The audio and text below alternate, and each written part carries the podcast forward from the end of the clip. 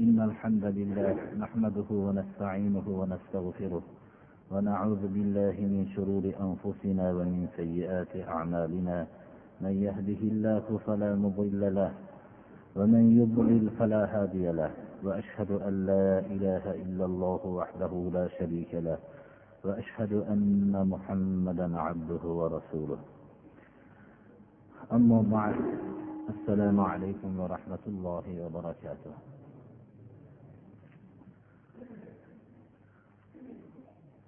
Alloh subhanahu va taologa ko'p hamdlar bo'lsinki mana ramazoni sharifni qo'limizdan kelganicha tutib qo'limizdan kelganicha shu ramazoni sharif haqidagi bo'lgan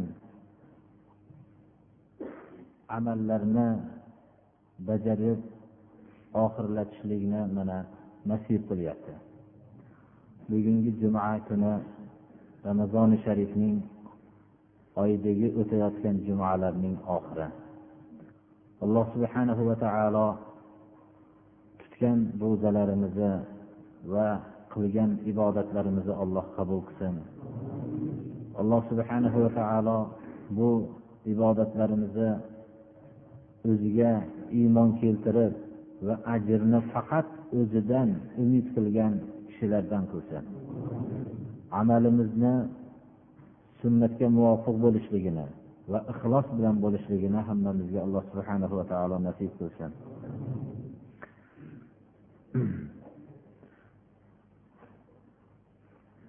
أعوذ بالله من الشيطان الرجيم لعن الذين كفروا من بني إسرائيل على لسان داود وعيسى بن مريم ذلك بما عصوا وكانوا يعتدون كانوا لا يتناهون عن منكر فعلوه لبئس ما كانوا يفعلون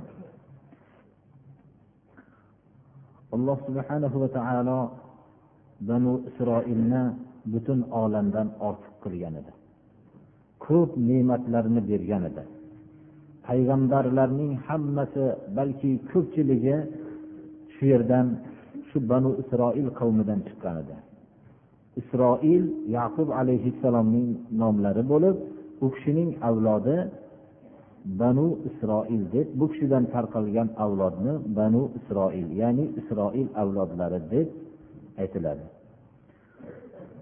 Lekin bular alloh subhanahu va taolo bilan bo'lgan ahdini buzib takror takror buzganligini olloh kechirdi.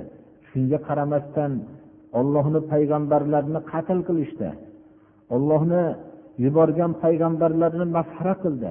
Ularga bergan ahdlarni buzishdi. Mana bu ahdlar buzilib borgan sari alloh subhanahu va taoloning ulug' payg'ambarlari nomi payg'ambarlari tili bilan la'natlanishdi.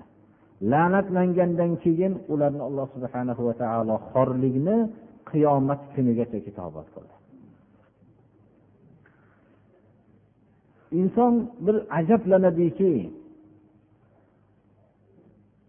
bir kishilarga mehribon qilib jo'natilingan kishi ularning hidoyatlariga haris bo'lgan kishi ularni to'g'ri yo'lda bo'lishligiga haris bo'lgan kishi nahotki la'natlab ham yuborishligi mumkinmi degan xayol keladi insonga.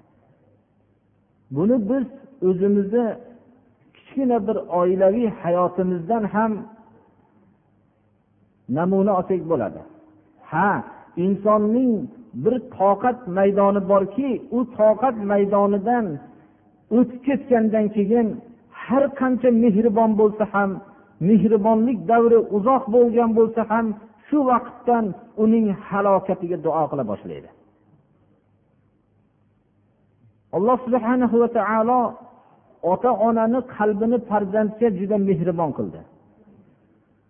Dunyoda vujudga kelgan vaqtidan boshlab onani qornida turgan vaqtidan boshlab mehribon qilib qo'ydi. Shu bolaning vujudga kelishligi bilan ona o'zining odatdagi yeydigan ovqatlaridan mahrum bo'lib qandaydir ba'zi aksar onalar ma'lum bir ovqatga muqayyat bo'ldi.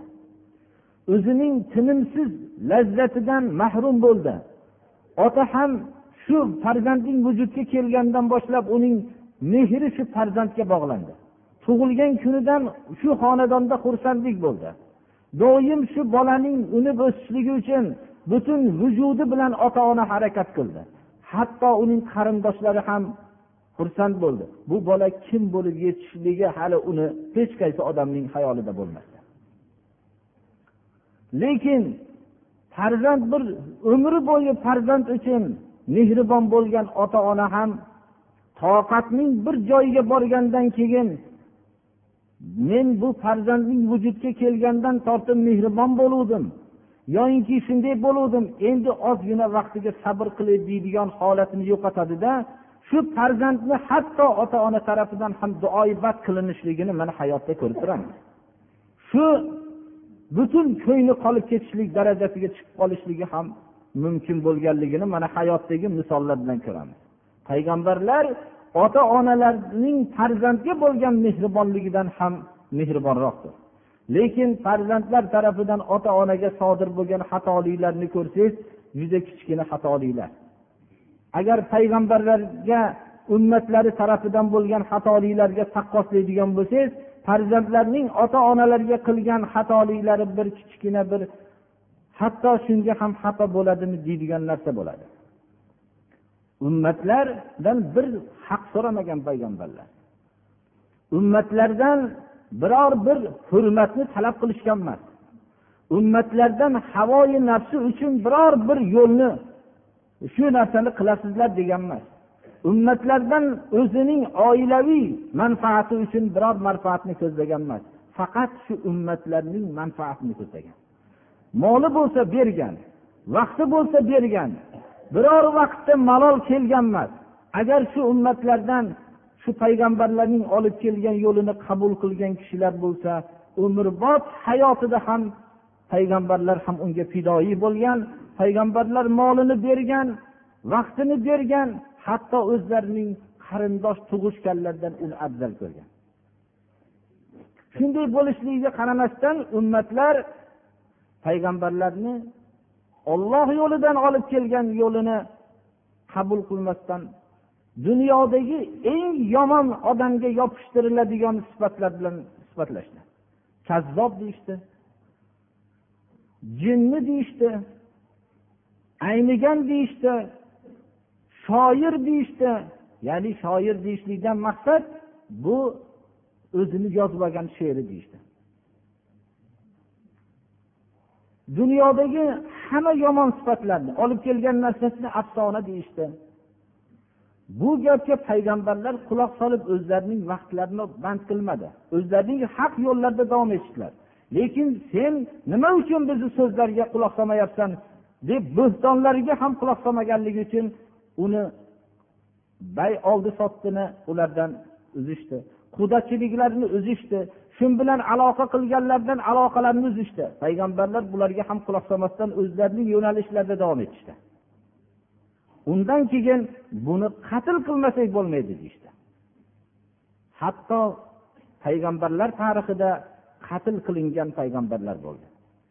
Zakariya alayhissalomning peshonalaridan arra tortib bekingan joylarida daraxtga kirib olgan degan rivoyatlar bor shu daraxtning ustidan peshonalaridan arra bilan bo'lib tashlashdi.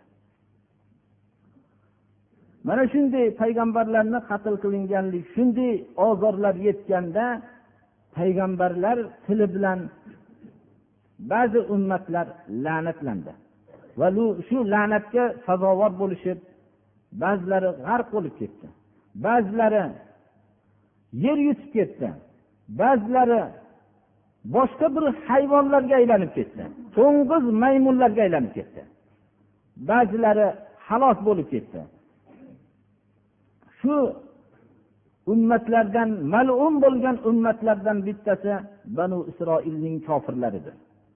Alloh subhana va taolo mana bu oyatda banu isroilning kofir bo'lgan toifalari dovud alayhissalom va iso alayhissalomning tili bilan la'natlanishdi. Nima uchun edi? Alloh subhanahu va taolo islom ummatiga bu narsani xabarini janobi rasululloh sollallohu alayhi vasallam vositasi bilan xabardor qilyapti. Uning sababi ular ollohning buyrug'iga osiy bo'lishgan edi. Ya'ni ollohning buyrug'iga itoat qilishmagan edi va haddilardan oshishgan edi. Shuning uchun alloh subhana va taoloning ulug' payg'ambarlari tili bilan la'natlanishdi. Banu isroilning shu davrda bo'lgan malun bo'lganlari dovud alayhissalomning tili bilan malun bo'lganlari maymun bo'lib ketdi. Iso alayhissalomning tili bilan malun bo'lganlari to'ng'izga aylanib ketdi degan rivoyatlar bor. Yoyinki odam shaklidagi maymun to'ng'izga aylanib ketdi. Ko'rinishi inson o'zining asli tabiatan to'ng'iz tabiat va maymun tabiatga aylanib ketdi. Hatto malunlik shu darajada yetdiki malun bo'lganligini ham bilmaydigan darajaga yetdi. Hozirda ham shunday malun toifalar borki ollohning hukmini mutlaqo qilmasdan ollohning hukmini shunday qilmay turib agar olloh bo'lsa meni ursin deydigan malun toifalar bor. Ollohning urgani undan ortiq bo'lmaydi. Hatto olloh ursin deydigan darajaga olib chiqib qo'yganligi ollohning qattiq urganligidir mana bunday shaklda inson bo'lgan shakli bilan poymol qilib yurgan malullar yo'q emas birodarlar.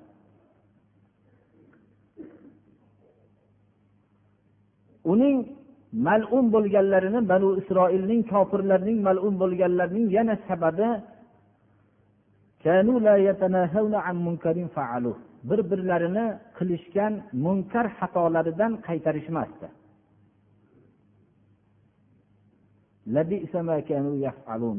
ular qilgan ishlar qanday yomon ishlar edi ya'ni inson bir jamiyatda yashaydigan bo'lsa avval gunoh harbiy suratda boshlanadi. Gunoh bitta bitta kishidan sodir bo'ladi. Bu avvalda salbiy bo'lib turaveradi. Ya'ni uning gunoh qilayotganligini ta'siri hech kimga bo'lmaydi. Odamlar u jamiyatda buni yomon ko'ra boshlaydi. U gunoh bir xunuk suratda ko'rinadi. Sekin asta bu boshqa kishilarga tajovuz qilgan sari gunoh ijtimoiy shaklga boradi. Ijtimoiy shaklni olgandan keyin bu gunohning ta'siri ijobiy bo'la boshlaydi.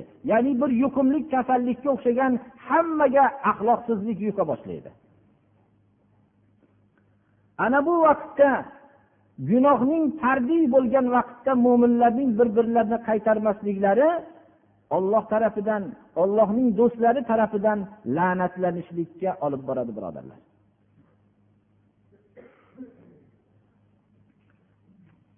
Rasululloh sollallohu alayhi vasallam rivoyatdan bu kishidan abdulloh ibn masud roziyallohu anhu rivoyat qiladilarki لما وقعت بنو إسرائيل في المعاصي نهتهم علماؤهم فلم ينتهوا. فجالسوهم في مجالسهم وذاكلوهم وشاربوهم. فضرب الله بعضهم ببعض ولعنهم على لسان داود وعيسى بن مريم. ذلك بما عصوا وكانوا يعتدون. وكان الرسول صلى الله عليه وسلم متكئا فجلس. فقال لا ولا والذي نفسي بيده حتى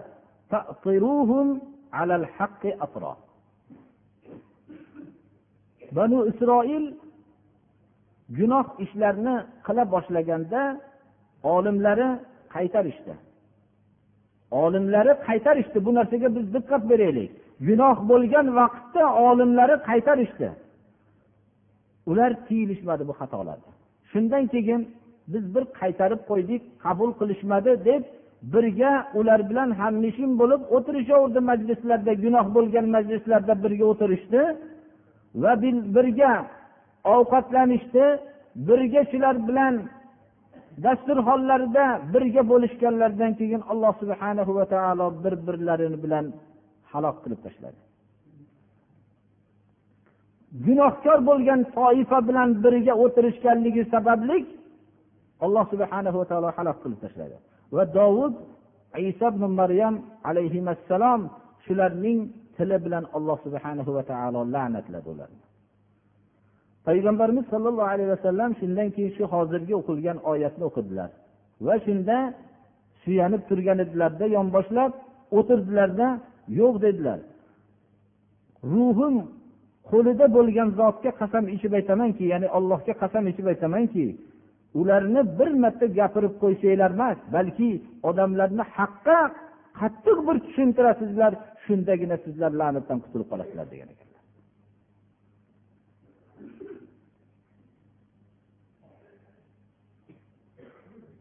Mana bu hadislarning mazmuni shuni ko'rsatadiki boshqa bir hadislarda mana banu isroilga nuqsonning kirganini avvali bir kishi ikkinchi bir kishi bilan uchrashardida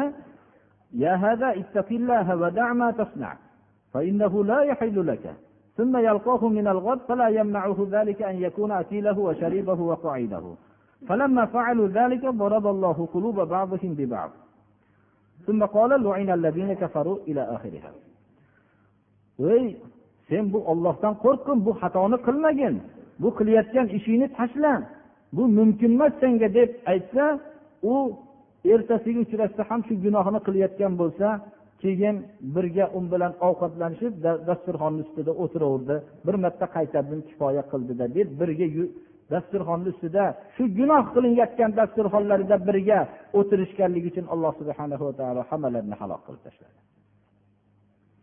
Mana bu narsani alloh subhana va taolo bizlarga islom ummatiga banu isroilning malun bo'lishlik sababini bayon qilyapti. Bizning biz ulamolar avvalo odamlarning ma'siyatdan bir ma'siyat qilayotgan vaqtda qaytardikmi yo'qmi? Bu banu isroilning ulamolari qaytargan bir marta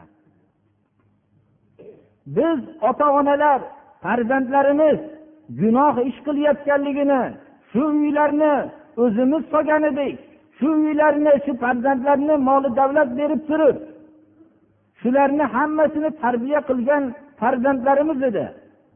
Shu bizning gapimizga kiradigan farzandlar edi. Shular ma'siyat gunoh ishlarni uyimizda qilayotgan vaqtda bir marta qaytardikmi?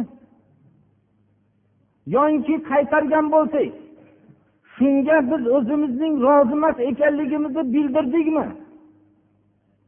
Agar bir marta qaytarib shu narsani keyin gunohda sharik bo'lib ketiladigan bo'lsa sening oqibati malun bo'lishlikka sabab bo'lsa qaytarmasdan turib birga bo'lib yursa ahvoli qanday bo'ladi? Alloh subhana va taolo bu qur'onni qiyomatgacha o'zi saqladi. Bu qur'onning islom ummatiga amal qilishlik uchun tushirdi.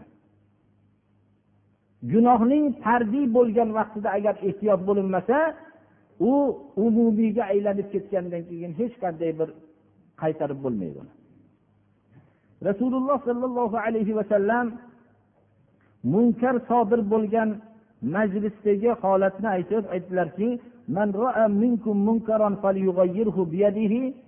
فإن لم يستطع فبلسانه فإن لم يستطع فبقلبه وذلك أضعف الإيمان agar sizlarni ichinglarda kim bir munkar ishni ko'rsa qo'li bilan qaytarsin agar qodir bo'lmasa tili bilan aytib qaytarsin Agar bunga ham qodir bo'lmasa qalbi bilan qaytarsin. Ya'ni o'zida hech qanday rozi emaslik alomati bilan tursin.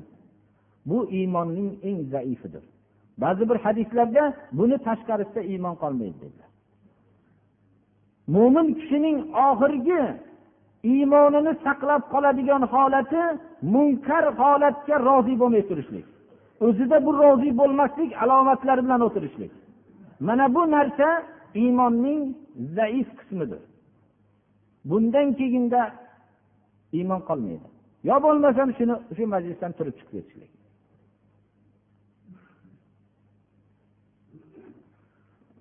Imom ahmad ibn hambal o'zlarining musnatlarida adiy ibn umayradan rivoyat qiladilarki rasululloh sollallohu alayhi vasallamdan eshitdim deydilar abi ibn umayra roziyallohu anhu. Aytganliklariniki حتى يروا المنكر بعد بين ظهرانيهم وهم قادرون على أن ينكروه فلا ينكرونه فإذا فعلوا عذب الله العامة والخاصة alloh taolo umumiy odamlarni ba'zi odamlarning gunohi sababli azoblamaydi hatto odamlar ularni gunohlarini munkar ishlarni oldilarida qilinayotganligini ko'rib turishadida uni qaytarishlikka qodir hali aytib o'tganimizdek uyda bo'layotgan narsani ota ona qodir qaytarishlikka oxirgi martaba uyda qodir bo'lmasa bu uyning ota onasi deb atalmasligi kerak.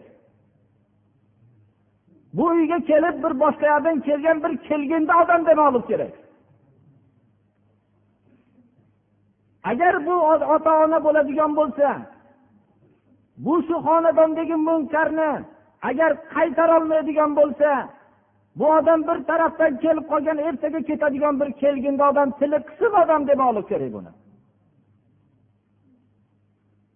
O'zining oldida munkarni ko'rgandan keyin qaytarishlikka qodir bo'lib turganda shu qodir bo'lib turib qaytarmagandan keyin alloh subhana va taolo ommayu xossani hammasini azoblaydi demak shu xonadonda munkar shariatga xilof ish bo'layotgan bo'lsa shuni agar qaytarolmaydigan bo'lsa bunda bu odam shu odam va farzandlari hammasi shu xonadon halok bo'ladi degan azoblaydi oxiratda alloh subhana va taolo.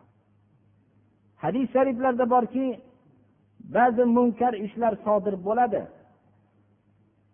Bu majlisda o'tirgan odam bu majlisda o'tirmagandek ba'zi munkar ishlar sodir bo'ladi. Bu majlisda o'tirmagan odam o'tirgandek gunohkor degan hadis borki buni mazmuni vallohu alam shu bo'lsa kerakki bir munkar ish bo'ladi bir majlisda. Siz bunga rozi bo'lmasdan qattiq g'amgin bo'lib tilingiz bilan agarki ishini rad qilib yo bo'lmasa qalbingiz bilan yomon ko'rib turgan bo'lsangiz bu majlisda ishtirok etmayotgan odam deysiz.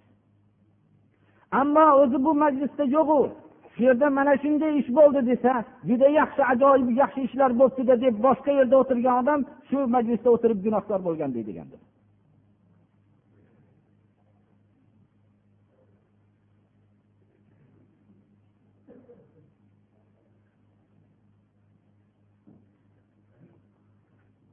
oyatlarning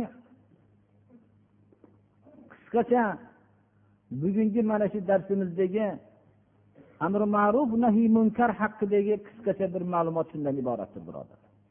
Biz agar jamiyat binosining kichkina bir birinchi g'ishti bo'lgan oilani agar shu g'ishtni bir to'g'rilolmasak bu chirigan g'isht bu. Bu chirigan g'ishtdan vujudga kelgan bino hech qanday narsaga yaramaydi. Yoinki boshqacha tavil bilan aytsak bu bir jamiyat bir katta bir kema bo'lsa oila uning bir taxtasidir. Agar bu taxtani chirigan taxtalardan kema yasaydigan bo'lsa bu hayot to'lqinidagi katta bir to'lqinga yaramaydi. Shuning uchun alloh subhanahu va taoloning la'natidan saqlanib qolishlik uchun o'zimizning hech bo'lmaganda xonadonimizdagi amri ma'ruf nahiy munkarni tiklamoqligimiz kerak.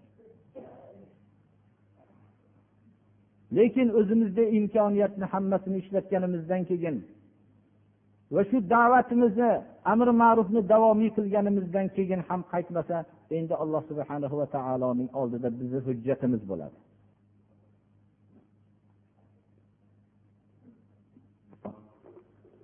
Tutgan ro'zalarimizni qabul qilsin. Rasululloh sollallohu alayhi vasallamdan mana rivoyat qilingan hadis shariflar من صام رمضان إيمانا واحتسابا غفر له ما تقدم من ذنبه. وفيه أيضا من قام رمضان إيمانا واحتسابا غفر له ما تقدم من ذنبه وما تأخر. كم رمضان أيضا روزة إيمانا ين الله سبحانه وتعالى من يكل يجونا رمضان شريف الله من حرز دل شروزا تتجنبسا وأجرنا الله سبحانه وتعالى من حزور دم أميت بسا. بو buni ma'nosi shuki biror bir mahallada iftor bo'lib qolsa hijolat bo'lib qolar ekanman deb ro'za tutmasa. Yoyinki qudalik bo'lib qoldim qudalarni oldida hijolat bo'lib qoldim deb turib ro'za tutmasa men bu ramazonni olloh subhana va taolo farz qildi bunga katta bir ajr beradi. Shu narsani men ollohni huzuridan umid qilaman deb turib shu ramazon oyida ro'za tutgan bo'lsa o'tgan gunohlari hammasi mag'firat qilinadi. Ramazon oyida ba'zi mana boshqa hadislarda qiyom taroveh namozlarini o'qishlik bir qiyom degan ma'noni bildiradi. Ya'ni shu yerda o'zini uyqusidan bir ulushini tark qilib ibodat bilan o'tkazgan bo'lsa iymon bilan ehtisob ya'ni bunda ham alloh subhana va taolodan ajrni umid qilgan bo'lsa o'tgan va kelajak gunohlari mag'firat qilinadi deyilgan.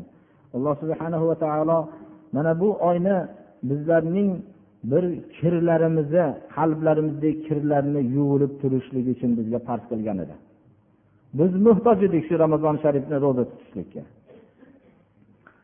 Payg'ambarimiz sollallohu alayhi vasallam uchinchi o'n kunlikka mana ko'p e'tibor berganliklarini ko'p aytib o'tdik. Rasululloh sollallohu alayhi vasallamdan oysha onamiz aytadilarki rivoyat qilib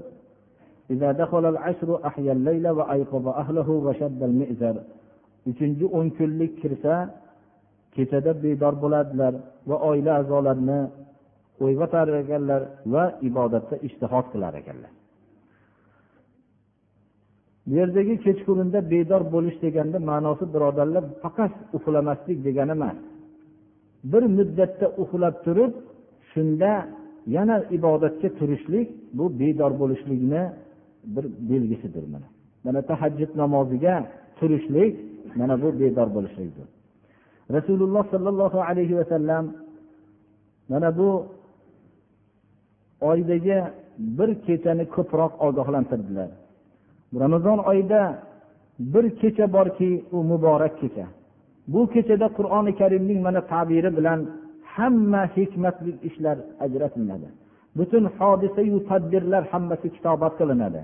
Bu kunda ruhul amin jibril alayhissalom va rahmat farishtalari hammasi alloh subhanahu va taoloning buyrug'ini yerga olib tushadigan ulug' bir rahmatlar yog'iladigan kun bu.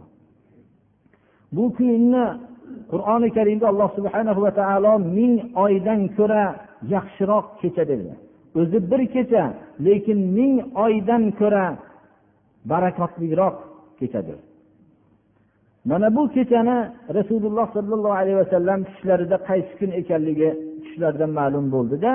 Bu ma'lum bo'lgan voqeani xabardor qilishlik uchun masjidi nabiy sollallohu alayhi vasallamga chiqqanlarida masjidda ikki kishi tortishib qolganligi sababli xabar hayollardan ko'tarildi. Shunda aytdilarki men sizlarga laylatul qadrni xabar berishlik uchun chiqqan edim. Lekin falonchi bilan pistonchi shu janjal qilib qolganligi sababli hayolimdan ko'tarildi. Bu hayolimdan ko'tarilishlik sizlar uchun yaxshilik bo'lsa kerak uchinchi o'n kunlikning tog' kunlarida istanglar dedilar. Ko'proq ba'zi kishilar yigirma yettinchi kechani laylatul qadr deyishadilar. Uchinchi o'n kunda agar kimki tog' kunlarda o'zi shu ibodatda ishtihod qilgan bo'lsa laylatul qadrni topganligida shak shubha yo'q. Shu barakotdan inshaalloh alloh nasib qiladi. Uchinchi o'n kunlikning yigirma yettinchi kechasi deyishlikda yana bir ba'zi mufassirlar bir nuqta olishgan ekanlarki bu agarchi ba'zi kishilarni so'zlari bo'lsa ham men shuni rivoyati qanday bo'lishligidan qat'iy nazar aytib beraman. Sura qadr surasida uchta laylatul qadr kalimasi bor. Laylatul qadr kalimasini sanalsa to'qqiztadan harf bor. Uchta laylatul qadr kalimasi keladi. To'qqiztadan uchtasi yigirma yetti bo'ladi. Shu ham yigirma yettinchi kecha ekanligiga ishora deb ba'zilar shu nuqtani ham aytishgan ekanlar.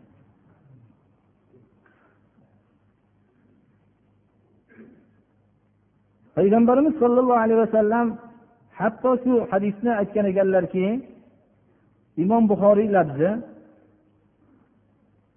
من قام ليلة القدر إيمانا واحتسابا غفر له ما تقدم من ذنبه ليلة القدر ده kim iymon va ehtisob bilan ya'ni ollohdan ajr talab qilib shunda bedor bo'lgan bo'lsa uning o'tgan va o'tgan gunohlari mag'firat qilinadi ba'zi rivoyatlarda ahmad ibn hambalning musnatlarida imom nasoiyda va va kelajak gunohlari ham mag'firat qilinadi degan ekan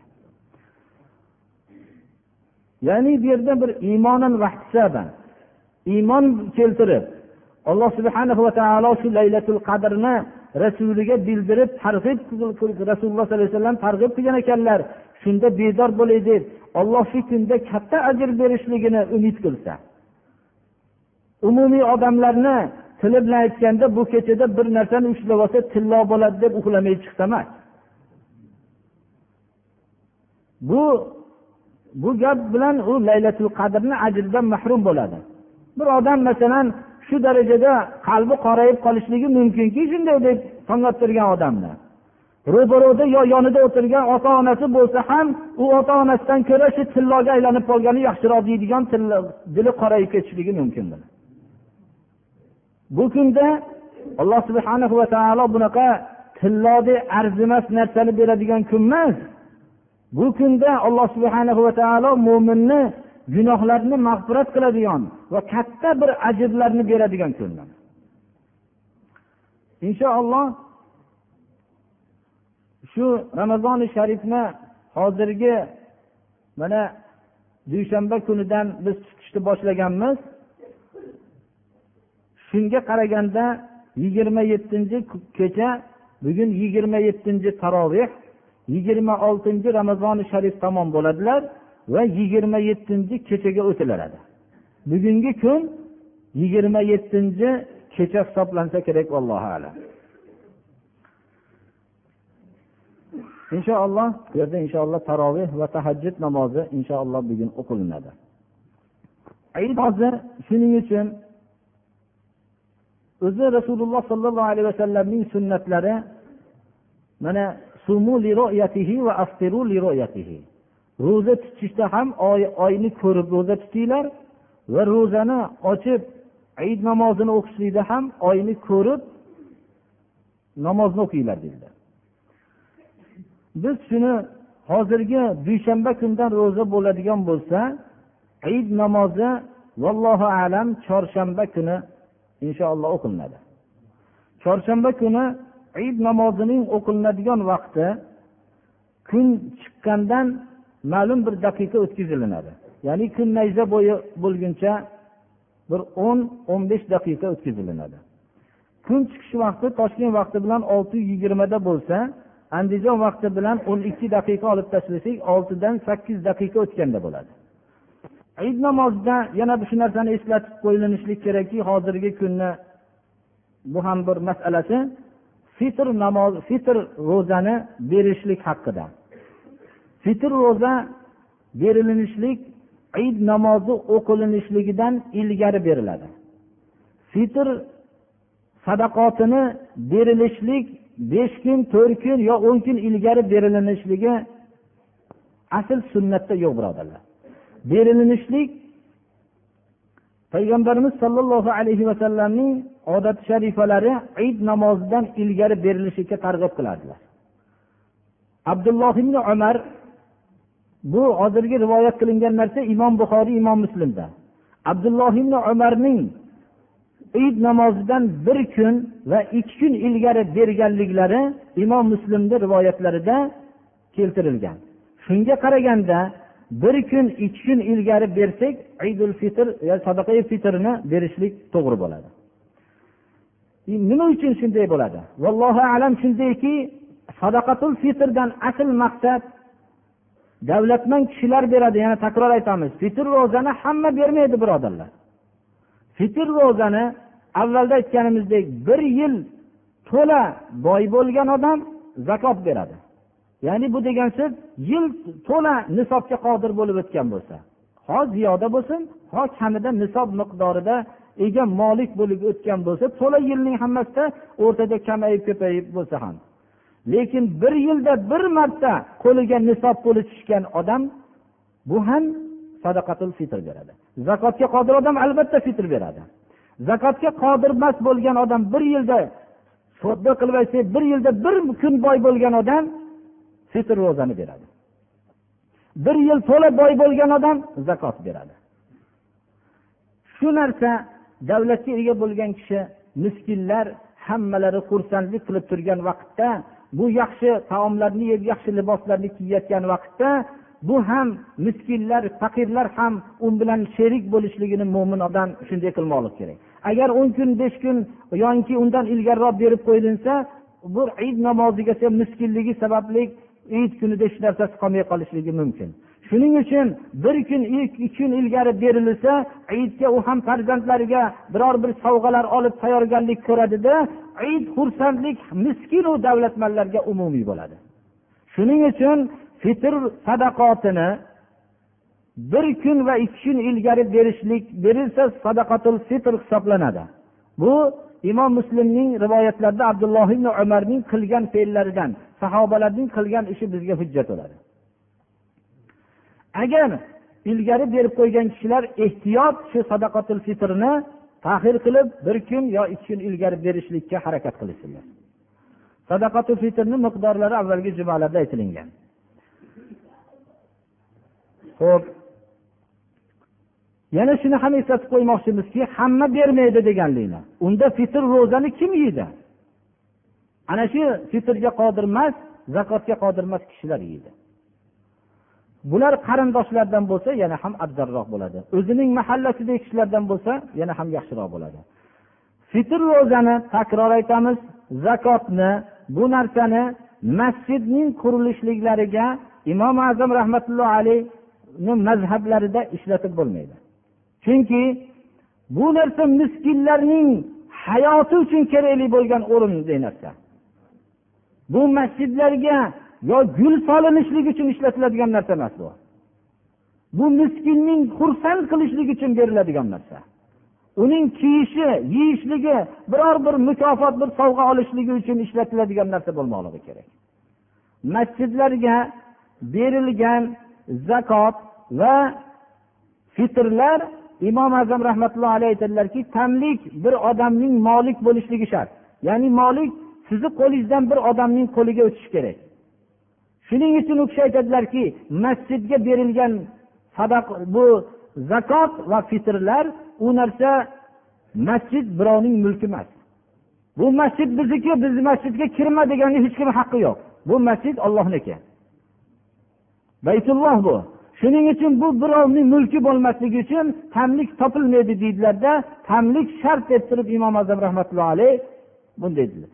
Imom azam rahmatullohi alayhni mazhabida davo qilgan kishilar zakotu fitrni masjidga yig'ishsalar imom azam rahmatullohi alayhni mazhabida degan davosi kazzob odamlardir.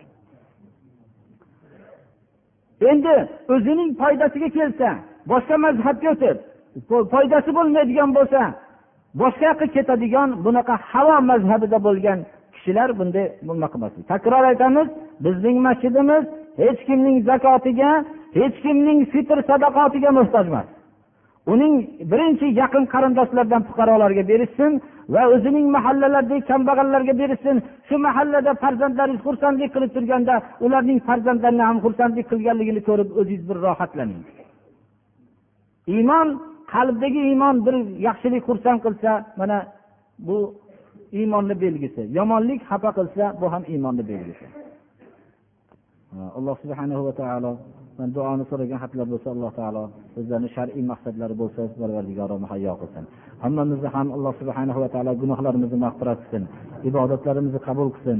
Tutgan ro'zalarimizni alloh subhanahu va taolo o'zi qabul qilsin.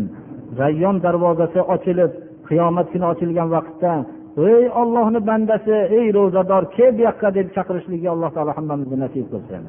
Mana birodarlar ozgina riyozatga o'xshaydi.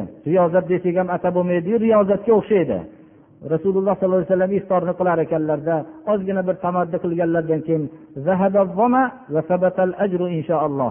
Chanqoqlik ketdi va ajr inshaalloh qoldi deb qo'yar ekanlar. Bizni bu diyorlarda bir chanqoqlik ham yo'q. U qattiq issiq bo'lgan joylarda shu chanqoqlik bo'lar ekan. Shuni aytar ekanlar inshaalloh ramazon ketyapti inshaalloh allohni madadi bilan olloh xohlasa inshaalloh ajr qoldi mana. Alloh subhana va taolo hammamizni o'tgan ajdodlarimizni rahmat qilsin farzandlarimizni solih qilsin. Alloh subhana va taolo islomga yordam berayotganlarga alloh yordam bersin. Islomga zarar yetkazganlarga alloh taolo o'zi kifoya qilsin. alloh taolo xalqni hammasini haq yo'lga hidoyat qilsin islom haqiqatlarini bildirsin اهدنا الصراط المستقيم صراط الذين أنعمت عليهم غير المغضوب عليهم من الضالين kattalari alloh subhanahu va taolodan taqvo qilinglar alloh subhanahu va taolodan taqvo qilish allohning huzurida eng mukarram bo'lishlik sabablaridandir hatto alloh subhanahu va taolo ramazoni sharifning farz qilinishligidagi asl g'oyani ham taqvo qilishliginglar uchun sizlarga ramazoni sharif farz qilindi sizlardan ilgarigilarga farz qilinganga o'xshagan deb taqvoni asosiy bir g'oya qilib qo'ydi. Chunki taqvo hosil qilgan kishi hayotdagi har qanday holatlarda haddan tashqari quvnoq holatida ham haddan tashqari g'amgin holatida ham o'zini muvozanatda olib yura oladi. Ramazoni sharifdagi taqvo odam bo'lgan shu maqsadni oxirgi kunlarda ishtihod qilaylikki shu narsani hosil qilishlikka. Chunki amallar oxirlari bilan e'tiborlanadi. Kimki alloh subhana va taolo farz qilgan ramazonni avvaldan yaxshilab tutib yaxshi ibodatlar qilgan bo'lsa allohga hamd aytsin. Kimki ba'zi bir xatolarni shu kamchiliklarga yo'l qo'ygan bo'lsa alloh subhanahu va taoloning farz qilgan ramazonining oxirgi kunlari qoldi. Bunda ishtihod qilsinki amallar oxirlari bilan mo'tabar bo'ladi. Mana bu kunda payg'ambarimiz sollallohu alayhi vasallamdan bu oysha onamiz rivoyat qiladilarki rasululloh sollallohu alayhi vasallam aytdilarki ramazon oyining uchinchi o'n kunligida laylatul qadrni qasd qilinglar dedilar. Ya'ni shu kunni qasd qilib alohida boshqacha kunlardan ko'ra boshqa kunlardan ko'ra boshqacharoq o'tkazishlikka bir qasd qilinglar deb buyurdilar. Bugun mana laylatul qadr kuni kechasiga yaqinlashib kelyapmiz. Alloh subhanahu va taolodan umid qilamizki من قام ليلة القدر إيمانا واحتسابا غفر له ما تقدم من ذنبه حديث شريف mukofatga alloh subhanahu va taolo hammamizni sazovor qilsin ramazon sharifda ro'za tutgan kishilarga ya'ni zakotga qodir bo'lgan kishilarga va nisobga bir yilda bir marta qodir bo'lgan kishilarga sadaqatul fitrni farz qildi sadaqatul fitr bu hayit namozidan ilgari o'taladigan sadaqotdir. Yoyinki bu imom muslimda rivoyatlarda abdulloh ibn umarning qilgan amallari rivoyat qilinadi. Bir kun yoinki ikki kun ilgari ham o'talsa bo'ladi.